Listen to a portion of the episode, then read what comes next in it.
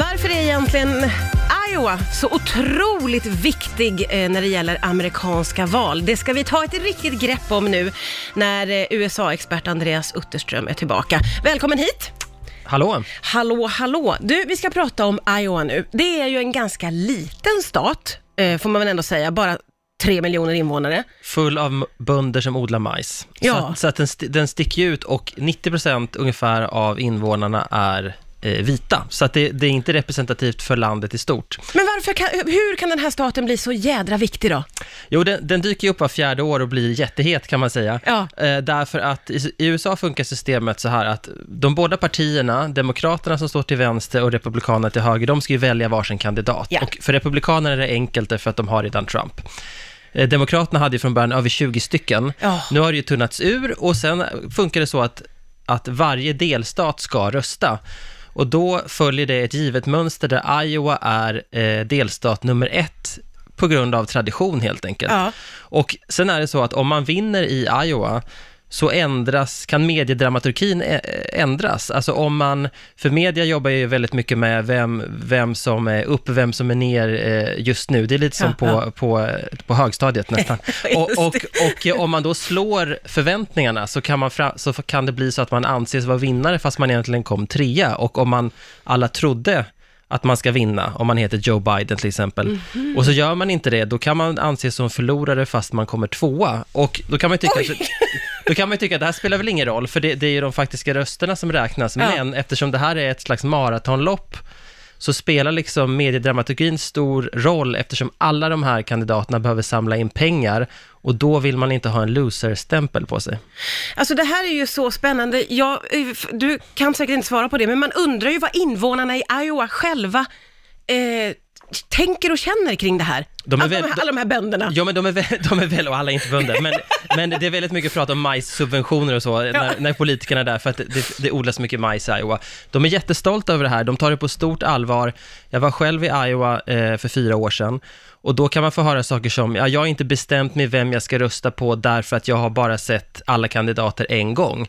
Så att de tar det här på, på största allvar, så att en politiker som försöker vinna i Iowa måste verkligen vara i närkontakt med väljarna och få tuffa frågor och stå timme efter timme i en gymnastiksal och svara på frågor. Så man kan inte gömma sig och bara pumpa ut tv-reklam, för det funkar inte där. Det är liksom eh, en seriös stat vad gäller politiken. Ja, verkligen. Kritiken är ju att, är det rimligt att den här lilla delstaten med 90% vita får så stort inflytande eh, och att det liksom blir skevt? Framförallt då om man tittar på Demokraterna som i stort är väldigt beroende av svarta och latinos röster. Ja. Om, om man tittar på hur hela landet röstar, Ja. att det här då blir lite skevt. Men det är väldigt svårt då att ändra en sån här tradition och delstaten Iowa har ju absolut inget intresse av att se till att man hamnar längre ner på Nej, listan. nej, nej, det är klart.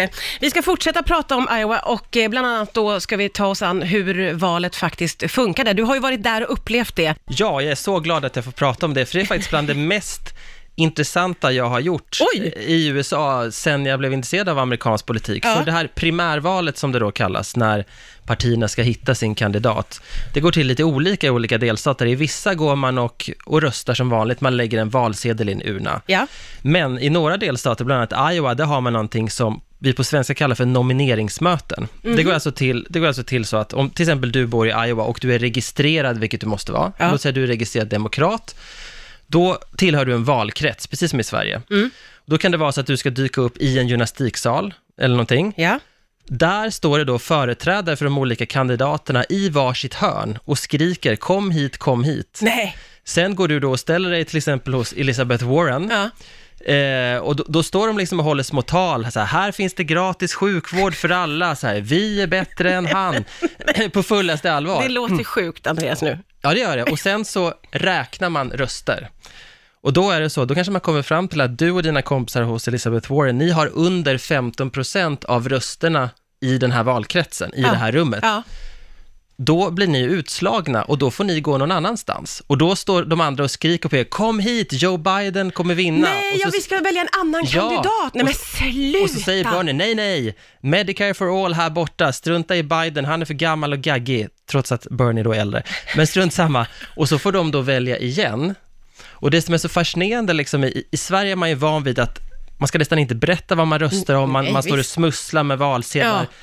I, Iowa får vem som helst gå in där, så jag som då jobbade som journalist, jag Ja. kunde vandra runt där fritt. Och man, det var filmkameror, det var folk med mobiler, man kunde gå omkring hur som helst. Att om du ska rösta där, då måste du vara beredd att stå upp för vem du röstar Men för, gud. och du måste också vara beredd att tillbringa ett antal timmar en vardagskväll för att göra detta. Och det, det här är också kritiserat därför att det, det är svårt nog att rösta ändå i USA. Ja. Och, och att då kräva att folk ska avsätta en hel kväll för att rösta, då blir det ju så att det är de som har tid, som kanske är pensionärer, eller de som har det gott ställt, så att de inte behöver ha två olika jobb.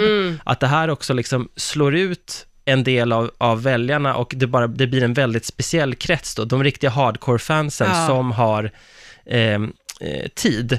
Så det var oerhört fascinerande. Det var nästan som att jag befann mig i något slags rollspel och, och, på- och på ett sätt, alltså fint och det här är väl demokrati dess renaste form tänkte jag ena stunden och i Ja. nästa stund tänkte jag att det här är ju väldigt primitivt och gammaldags och lite ovärdigt, liksom ett land som brukar liksom hålla demokratins fana högst. Men, Ja, men- men, men, det, var, det var otroligt fascinerande framförallt. Jag, te- jag, jag kan förstå att det uppstår, men jag kan inte förstå att det lever kvar. Nej, men det, det är väldigt svårt att och, eh, ändra det här och, och eh, det blir ju också, alltså det, det ger hela valet en slags speciell eh, kultur och det kanske är det här som gör att vissa då blir väldigt engagerade för att det blir mycket mer personligt om Ja, man in, ja. investerar mer i det än om man bara lite slentrianmässigt går och lägger en röst Ja, i, i, en, i en valurna. Men, men det är liksom ett skådespel som inget annat, så att jag vill verkligen uppmana dig som lyssnar, om du någon gång har vägarna förbi Iowa i valtider, så gå och titta på det här. Det är bara att googla fram en röstlokal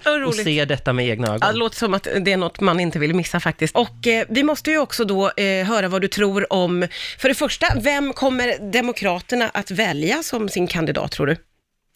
Du menar i Iowa eller efter? Ja, vi börjar i Iowa. Ja, då är det så med Iowa, att den som säger att den vet hur det kommer gå i Iowa är inte riktigt klok. Så så, så där. Utterström Institute i Solna kan bara konstatera att det är väldigt jämnt mellan fyra kandidater. Det är Joe Biden och det unga hoppet Pete Buttigieg, eh, Major eh, Pete som han kallas för, borgmästare Pete. Och sen har vi eh, eh, Bernie Sanders och, eh, se, vem är den fjärde? Elizabeth Warren Ja, naturligtvis just det. Ja. Det, det är väldigt jämnt mellan dem och på riktigt är det så att, att eh, allt kan hända.